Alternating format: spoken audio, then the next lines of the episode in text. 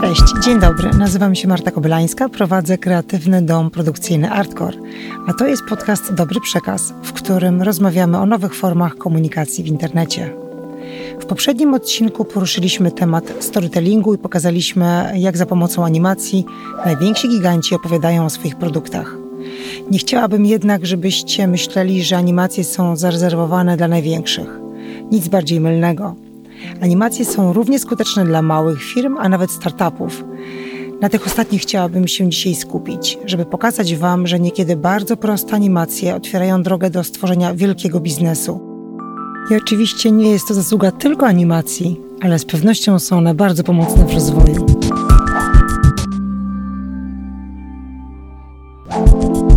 Startupy najczęściej mają do czynienia z innowacyjnymi i skomplikowanymi produktami lub usługami, czymś, czego jeszcze nie ma. Twórcy mają zatem niełatwe zadanie, żeby przekonać do swojej idei, opowiedzieć o swoim pomyśle tak, żeby przekonać potencjalnych inwestorów.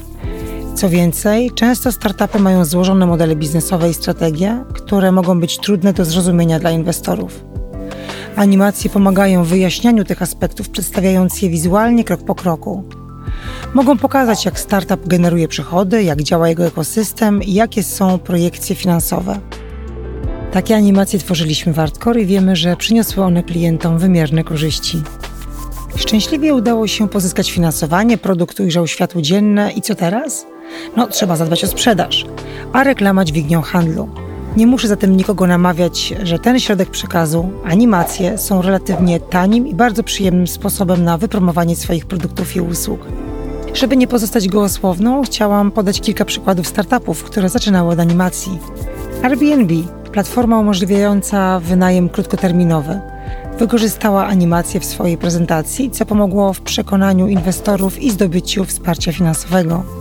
Coinbase, wiodąca platforma wymiany kryptowalut, stworzyła animowane wideo, które tłumaczyło, jak działają kryptowaluty i jak platforma ułatwia ich kupno, sprzedaż i przechowywanie.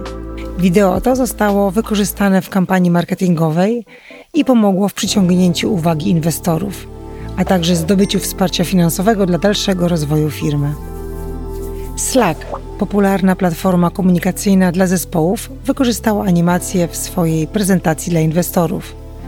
Animowane slajdy przedstawiały, jak Slack ułatwia komunikację wewnątrz organizacji, jak zwiększa produktywność i integruje różne narzędzia. Animacje te pomogły w budowaniu przekonującego wizerunku marki i zdobyciu inwestycji. Linki do tych realizacji znajdziecie w opisie tego odcinka. Te przykłady pokazują, że animacje są skutecznym narzędziem dla każdej firmy, niezależnie od wielkości. Ja nazywam się Marta Koblańska, a to był podcast Dobry Przekaz. Do zobaczenia w kolejnym odcinku.